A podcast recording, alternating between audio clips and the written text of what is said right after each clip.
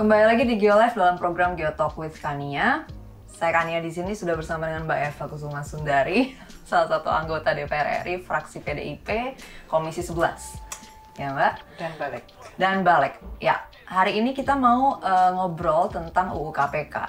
Karena ini sudah menjadi polemik di tengah publik dan selama ini tampaknya informasi yang berkembang lebih banyak dari eh, publik sendiri ya, kemudian mungkin sudah tercampur dengan opini juga.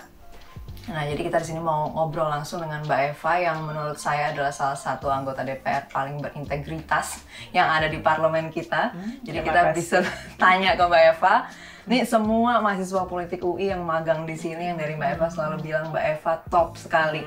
Hadir sidang dengan baik, disiplin sekali ya. Jadi jadi Mbak Eva ini bukan salah satu anggota DPR yang tidur, bukan. Mbak Eva ini anggota DPR yang kerja dan mengawasi juga Mbak ya, jalannya perundangan dan segala macam yang terjadi di dalam parlemen. Jadi kita bisa bertanya nih di sini ke Mbak Eva. Nah, jadi gini Mbak, pertama kan kemarin setelah uh, RUU KPK terbuka ke publik bahwa ada RUU KPK, kemudian ada beberapa klausul di sana, termasuk dibentuknya Dewan Pengawas ya dan seterusnya, muncullah akhirnya penolakan gitu kan ya. Penolakan uh, Mbak Rama ya hashtag tolak UU KPK, RUU KPK dan seterusnya, tapi tahu-tahu langsung disahkan. Nah, publik di sini pertanyaannya adalah dari mulai eh, informasi itu terbuka ke publik adanya RUU tersebut sampai ke pengesahan itu jarak waktunya nggak ada seminggu gitu ya, dekat sekali gitu. Jadi yang dibingungkan oleh masyarakat adalah prosesnya ini sebetulnya di mana nih? Kapan mulai proses pembahasan RUU ini? Dan apakah melibatkan publik? Nah, ke- kemudian ada kecurigaan akhirnya kan, kok di ujung-ujung mau bubar nih eh, periode ini, tiba-tiba langsung mengesahkan begitu saja undang-undang ini dan tidak ada tadi ya proses pembahasan yang mungkin terbuka untuk publik dan Iya. seterusnya gitu. Jadi tiba-tiba informasinya sudah di dekat-dekat mau pengesahan dan langsung disahkan gitu. Iya. Nah ini mungkin perlu diperjelas. Begini bahwa eh, kita pada posisi yang terbebani dengan eh, pada saat kita evaluasi prolegnas ya di masa sidang terakhir ini. Loh, kok kita masih pada 18% dari target prolegnas. Nah, sehingga kita juga adakah undang-undang yang bisa dipercepat? Kayak saya, saya mengusul eh, revisi undang-undang perkawinan, mengikuti putusan MK bahwa batas umur harus dinaikkan dari 16 eh, harus sama dengan 19 ya, eh, perempuan dan laki-laki gitu. sama-sama 19. Nah ternyata pikiran yang sama ini eh, juga di eh, apa alami oleh teman-teman yang lain. Apa yang bisa dilakukan? Nah draft eh, revisi Undang-Undang KPK sendiri kalau nggak salah sudah ada sejak tahun 2012. Tolak ya, kan dulu ingat ya, tolak Oh, masuk iya. lagi 2017. Sampai ada pansus kan waktu itu tolak lagi. Jadi bahannya itu sebetulnya ada. Itu yang pertama ya. Dibandingkan dengan undang-undang pondok pesantren, it's only less than one year. Draftnya sendiri. Jadi juga cepat sekali. Cepat sekali. Karena ingin produktivitas legislasinya itu dinaikkan betul. Dan saya gembira ternyata minggu lalu saya cek eh, itu sudah naik ke 30 persen. Dari sudah ada eh, berapa itu eh, 77 undang-undang yang eh, diproses dan itu melompat. Itu yang Kalau pertama. soal itu kan otomatis publik juga uh, mempertanyakan dari lima tahun kemarin kenapa baru di ujung baru menyadari bahwa produktivitasnya rendah Jadi ini gitu, Mbak. percepatan, kayak semester pendek gitu loh. Hmm. Tapi prosesnya ditaati loh. Hmm. Jadi melalui paripurna dan itu terbuka kan paripurna Hmm. eh, dilaporkan atas usulan eh, Komisi 3. Hmm. Komisi 3 dibawa ke Bamus. Bamus kemudian dibawa ke paripurna dilaporkan bahwa ternyata eh, yang disuruh meroses oleh Bamus adalah balik. Itu terbuka semua di paripurna. Cuman memang intensif karena misalkan pengalaman saya sampai saya gelagapan ya dalam waktu dua minggu saya ikut panja yang memutuskan empat undang-undang baru Hmm. itu dibalik sampai ngos-ngosan. Jadi kalau publik sampai terkaget-kaget, wong di dalamnya aja terkaget-kaget begitu. Tapi itu terbuka. Hmm. Cuman kemudian mungkin nggak dicermati, nggak diupdate. Kalau yang nongkrong di paripurna harusnya tahu itu. Jadi tidak ada yang tertutup. Mungkin kemudian pada saat panja itu memang tertutup, tapi ini berlaku untuk seluruh undang-undang. Hmm. Uh, saya pernah sih pakai eksperimen undang-undang konflik sosial bikin terbuka, karena itu pimpinan ya, wewenang pimpinan. Ya, ya, tapi ya. mostly tertutup. Hmm. Jadi sebetulnya uh, kurang cermat untuk uh, mengidentifikasi what is going on di paripurna. Mm -hmm. Ya kayak hari ini kan. Jadi kalau mau punya draft dibawa ke Bamus dulu, eh lapor dulu ke paripurna. Ini loh saya punya inisiatif untuk merubah undang-undang. Mm. Terus dibawa ke Bamus, Bamus merapatkan siapa yang akan eksekusi draft undang-undang ini. Yeah. Terus dilaporkan lagi ke paripurna bahwa yang akan mengeksekusi ini adalah uh, alat kelengkapan yang mana. Jadi sebetulnya uh, terbuka, mm -hmm. cuman sangat intensif pada saat yang sama orang tidak siap mm -hmm. untuk menerima itu. Tapi itu tadi ada 27 undang-undang yang masuk kategori eh kebalik ada 50 undang-undang yang masuk dalam kategori kumulatif terbuka yang tidak ada di prolegnas. Hmm. Tapi dimasukkan karena emergency karena putusan MK. Hmm. Nah di KPK itu sebetulnya menindaklanjuti putusan MK. Putusan MK tahun berapa nanti mungkin uh, cek nanti lagi ya. Ya, ya, ya, ya. Putusan MK yang menegaskan bahwa posisi KPK adalah bagian dari eksekutif. Hmm. Bukan lagi independen yang tidak mau berinduk di tiga cabang kekuasaan, hmm. tapi adalah bagian dari eksekutif. Nah itu yang menjadi pintu masuk.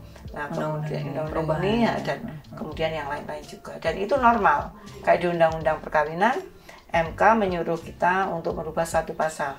Tapi begitu kita teliti, pasal ini berimplikasi kedua ayat yang lain ya kita ubah hmm. untuk kompensasi ya, ya, ya pengetatan ya. kompensasi dan pelibatan mempelai anak-anak ini untuk oh. datang ke sana supaya kamu dikawinin apa karepmu sendiri kayak gitu oh. bedanya. Kalau sekarang kan lulus orangnya nggak datang ya, dikawinin ya, ya, aja gitu. Ya. Jadi kenapa angka perkawinan anak-anak kita tinggi, ya. terburuk di uh, ASEAN hmm. dan nomor 7 terburuk di dunia. Hmm. Itu yang bikin HDI kita nggak bisa naik-naik. Hmm. Dan itu yang akhirnya uh, diubah lewat tadi UU perkawinan. Ah, undang-undang perkawinan. Hmm. Itu inisiatif tidak dari prolegnas, aku yang usul harus dirubah gitu. ya, ya, ya, ya, ya. Berarti tadi dalam proses uh, sebetulnya ada waktu ya tertib. dari tengah waktu. Nah, tertib cuman intensif. Okay. Tetapi pada saat itu seperti tadi Mbak Eva sempat sebut juga memang publik sudah menunjukkan penolakan sebetulnya. Hmm. Uh, bagaimana apakah ada usaha komunikasi misalnya dari anggota DPR dengan konstituen di dapil masing-masing misalnya untuk meyakinkan bahwa kalau saya melihat draft ini sudah berumur lama sejak mm -hmm. 2012 mm -hmm. isu-isunya juga tidak ada yang baru kan Iya, iya. pengawas juga nggak ada yang iya, baru. Betul. Kemudian penyadapan juga nggak ada yang baru dan iya. seterusnya. Iya betul. Jadi uh, menurutku memang uh, apa kilat ya. Jadi orang jadi kayak gitu nggak siap gitu. Tapi ini juga dialami oleh undang-undang uh, P3 hmm. P3 yang tentang uh, pembentukan perundangan. Hmm. Sekarang ada carry over gitu ya. Hmm. Tapi kalau untuk isu KPK kan luar biasa sensitifnya. Jadi responnya juga sangat uh, apa besar ya dan seolah-olah publik ditinggal pada prosesnya terbuka terus. Hmm. Jadi justru memang uh, masyarakatnya yang baru ini aja menaruh kepedulian gitu ya mendadak hmm. terus tiba-tiba langsung ikut following the hype. Betul. Dan, Tapi memang uh, ngegas. Hmm. Saya sendiri juga kepontalan ya hmm. untuk mengikuti ini supaya Prosesnya. produktivitas hmm. naik dan alhamdulillah naik 30% ini. Hmm. Nanti ada minggu ini tiga undang-undang lagi yang mudah-mudahan bisa naik lagi. Jadi hmm. uh, sebetulnya menjawab uh, tuntutan publik untuk uh, kinerja di legislasi itu jangan buru-buru gitu ya, hmm. jangan rendah-rendah gitu. Ya, nah mungkin memang kebetulan tapi undang-undang yang mau disahkan tadi ya untuk KPK uh, pasalnya ini ya dianggap uh, bermasalah oleh publik gitu ya. Jadi yeah. akhirnya menjadi penolakan walaupun sebetulnya publik sendiri sebetulnya mendukung secara umum produktivitas sebetulnya terbelah ya. Ketika Litbang Kompas membuat survei, survei iya, iya, betul, betul. kan lebih banyak yang uh, apa mendukung. Ya, kita Cuman sosmed ya jar kita. Sosmed kan uh, tidak banyak yang tidak setuju. Ya, Tapi ya, sosmed kan tidak representatif. Ya, betul. Lebih ke surveinya Kompas. Tapi memang apa high tide lah gelombang yang tinggi banget. Iya, iya, iya. Nah, berarti mungkin di sini kita bisa bahas bagian yang menjadi um, yang Isu-isunya. iya yang yang kemudian menimbulkan penolakan gitu ya mbak. Jadi mungkin mbak Eva juga bisa uh, membantu menjelaskan juga dari perspektif parlemen sendiri sebetulnya pasal-pasal ini atau klausul yang dianggap bermasalah ini kenapa sih kita butuh sebetulnya pasal ini gitu. Nah yang pertama adalah tentunya terkait dengan keberadaan dewan pengawas sendiri. Jadi kan memang tentu saja secara konsep uh, politik sendiri kita uh, bisa dengan gampang melihat bahwa segala sesuatu ini ada checks and balance-nya gitu ya. Selalu ada pengawasannya. Nah, yang dipermasalahkan oleh publik adalah dewan pengawas ini hadir apakah akan menjadi pengawas atau menjadi antek-antek koruptor gitu loh. Jadi Aku ini Dewan Pengawas loh, gerakan kooperasi dunia. Juga ada Dewan Pengawas di olahraga. Jadi sebetulnya konsep Dewan Pengawas itu umum, bukan hanya eksklusif untuk eh, apa untuk KPK dan dengan niat jahat gitu enggak. Karena sudah dipraktekkan di mana-mana. Dan eh, Dewan Pengawas ini eh, tidak juga kemudian apa apa mengganggu ya, mengebiri eh, apa otoritas dari pimpinan KPK. Tapi memang harus Terutama- izin dewan pengawas Betul, karena dalam klausulnya begitu. Tapi gini loh, ini ada aksi ada reaksi ya. Hmm. Kenapa kemudian kok kita masuk kepada isu Dewan Pengawas, terutama untuk penyadapan? Karena kita juga menemukan laporan-laporan publik kepada Komisi 3 dan saya ingat waktu itu menerima juga pada saat saya di Komisi 3 misalkan eh, tidak terkait korupsi tetapi kemudian eh, isu privat dikeluarkan di dalam chatting, pengadilan. iya di dalam uh, pengadilan jadi semacam sensasi. Jadi kan nggak boleh itu. Kemudian ada indikasi untuk dipergunakan kepentingan uh, apa pimpinan. Dalam hal ini kasusnya Pak Abraham Samad. Uh, bagaimana mungkin dia tahu isi percakapan para pimpinan. Ini kaitannya ketika uh, beliau ingin ya dicalonkan jadi cawapres. Jadi kok loh ketahuan oh saya tahu nggak jadi loh. Kok tahu ternyata omongannya itu di eh, apa disadap Sadap. dan itu kan nggak ada urusannya dengan korupsi sama sekali Eh, itu yang eh, menurut kita akhirnya dan banyak lagi ya eh, termasuk beberapa kesaksian eh, di sana eh, di yang sudah viral ya bagaimana eh, apa abuse of power ya dari eh, being superpower ini diexercise oleh KPK. Jadi tidak memperlemah dong kalau seperti ini. Oh diminta untuk makin akuntabel, Hmm. makin menghormati HAM, makin tidak melewati koridor. Ini kan eh, sebetulnya ti- bukan pelemahan daripada eh, apa dibiarkan jadi superpower yang kemudian nabrakin isu-isu yang tidak jadi tupoksi dia begitu. Nah, tapi dewan pengawas di sini kan akan dipilih dengan cara pemilihan pimpinan juga ya, kayak Ditunjuk kemarin. oleh presiden. ditunjuk oleh presiden. Nah, Draft posisi awal memang permintaan di fit and proper test di DPR. Ya. Tapi karena eh, ada putusan MK yang menegaskan posisi eh, KPK bagian dari eksekutif, Eksekutif. maka menjadi otoritas eh, presiden untuk menunjuk. Tapi ada kualifikasi yang dibatasi di sana. Siapa saja yang bisa entitled untuk ditunjuk oleh DP eh, oleh presiden. Jadi sudah Kalau- diatur ya, Sudah diatur. Tapi presiden ini kan lembaga ya, bukan Jokowi sebagai personal gitu ya. iya, iya. Selalu membentuk uh, tim sel Tim, kan. ya. Hmm. Dan tim sel itu diambil dari orang-orang yang punya integritas tinggi Mhm. dan silakan kemudian presiden nanti ngambil. Bukan kemudian uh, like and dislike dari personal presiden. Mhm. Tapi uh, ini sebagai presiden sebagai lembaga maka juga menggunakan proses yang saya yakin akuntabel seperti yang sudah dilakukan oleh Pak Jokowi selama ini. Nah, kalau terkait eh, proses pemilihan pimpinan kemarin kan kemudian jadi bermasalah tuh, Mbak. Hmm. Karena ternyata eh, publik menemukan informasi bahwa pimpinan yang akhirnya dipilih punya track record buruk dalam tanda kutip ya, ada kesalahan waktu cacat etis lah ya. Melakukan hal yang di luar dari eh, kode etiknya. Nah, itu bagaimana, Mbak? Jadi maksudnya bagaimana publik bisa percaya lagi dalam hal ini untuk akhirnya pihak presiden yang Menurutku publik juga harus paham ya, jangan kemudian hanya mau yang dia mau. ya. Karena kan eh, ada dua level pemilihan tim sel kan, eh maaf pemilihan capim ya. Yang pertama di pansel dan pansel saya melihatnya menyodorkan 10 nama, tinggal kemudian putusan politik. Kalau tim sel kan lebih kepada teknis ya, akademis, Hmm. objektif. Kalau sudah pilihan politik, ya mana yang dicocoki oleh eh, pemilih-pemilih yang ada di Komisi 3. Hmm. Jadi kalau eh, saya nggak tahu gimana logikanya, saya bukan Komisi 3 ya. Mhm. Tapi kan masalah trust ini kalau Iya. di Komisi 3 itu. Iya betul. Jadi siapa yang klik hatinya dengan eh, kita karena eh, apa representatif kan. Jadi siapa yang bisa menjadi eh, apa representasi dari saya. PKS nggak mungkin lah milih orang Kristen. Ayo bener nggak? Tadi harus kita hormati gitu loh. Iya. Dan betul, Iya. Lili itu suaranya nggak banyak untuk perempuan itu.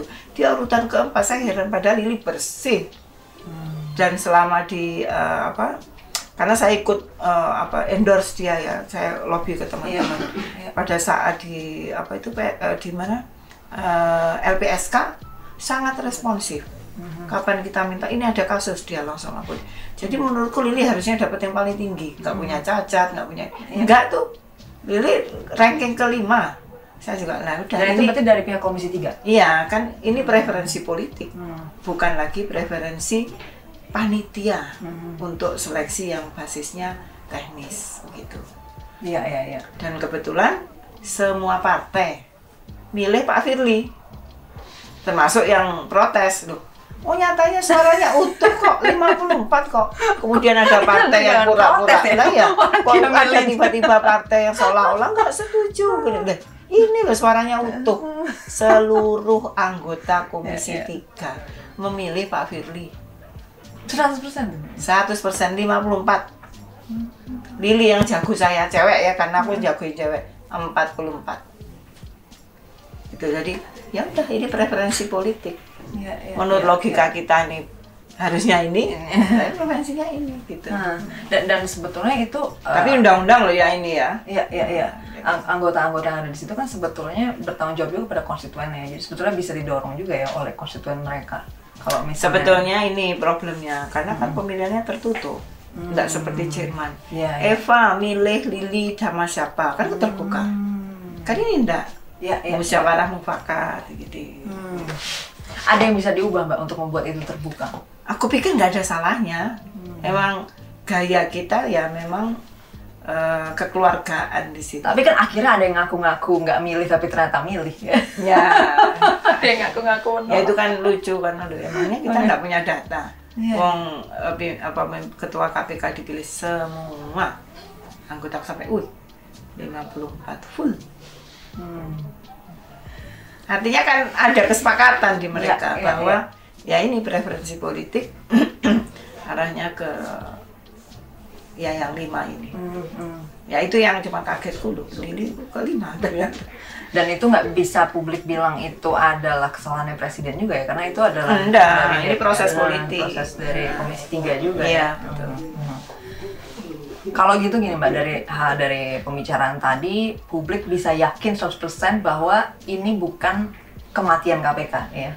Hanya penambahan tools pengawasan. lebih akuntabel lebih akuntabel. Ya, jadi jangan menurutku ya aku kapan ditanya anak-anak teman-teman tuh begini eh, politisi itu eh, KPK bukan malaikat apalagi politisi Iya. dua-duanya ada plus dan minusnya begitu ini manusia biasa kok Iya. kita juga punya kok list kesalahan KPK Jadi kalau Kan, kita ya, kalau kita jadi- nggak percaya 100% pada DPR, nggak percaya 100% pada presiden, kita juga jangan percaya 100% pada KPK iya juga ya. menurutku ini Kita bikin manusia sistem yang ada checks and balances lagi ya mbak gitu ya. Terakhir ya mbak, eh, yang kemudian menjadi bola panas setelah eh, UU KPK disahkan adalah mencuatnya lagi kasus-kasus yang menjerat pimpinan KPK, salah satunya eh, Mas Novel Baswedan, yang kemudian orang-orang eh, mengatakan bahwa inilah bukti pemerintah tuh tidak pernah betul-betul mau kooperatif dengan KPK ketika pimpinan KPK dihajar habis-habisan pemerintah tidak serius mengejar pelakunya gitu. Mbak Eva ada komentar terkait ini Satu bahwa eh, pembongkaran ataupun pengejaran pelaku itu wilayah dari penegak hukum. Bukan Pak Jokowi, Pak Jokowi nggak punya kapasitas. ya, jadi itu Ya, silakan ya. kepada penyidik. Ya. dan penyidik yang ditunjuk itu adalah polisi. Dan polisi bekerja itu kan berdasarkan fakta dan data hukum. Tidak bisa kemudian katanya, katanya, katanya dan seterusnya. Jadi kalau sekarang itu macet, terakhir Juni ya, dari Juni, ini kan tergantung kerjasama antara eh, penyidik dan yang di eh, yang mau dibantu Mas Novel ya. Mas Novel yang mengalami, Eh, termasuk kemampuan beliau untuk eh, menggambarkan profil siapa yang menyerang. Kemudian eh, pertanggungan jawab beliau ketika memberi pernyataan ada eh, apa jenderal yang terlibat. Itu harusnya dibuka. Dibuktikan. Nah, dibuka pula dan dibuktikan ke karena dia yang mengalami mungkin mempunyai perspektifnya. Tapi kalau nggak ada fakta dan bukti, hanya hanya kecurigaan, kan ya tidak bisa dilakukan.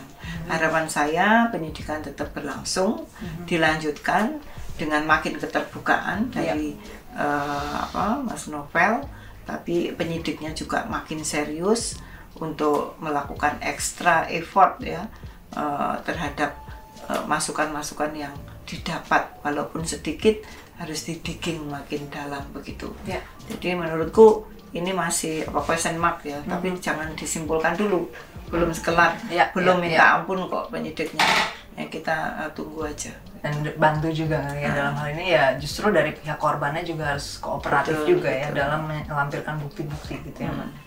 Oke terima kasih banyak Mbak Eva waktunya. Lain kali jangan kapok loh Mbak ngambilin GLF. Share pendapat kalian tentang akhir RUU KPK ini gimana? Apakah akhirnya bisa setuju atau tetap mau JR ya? Karena katanya ada yang mau judicial review. Silahkan share your thoughts on the comment section below. Thank you.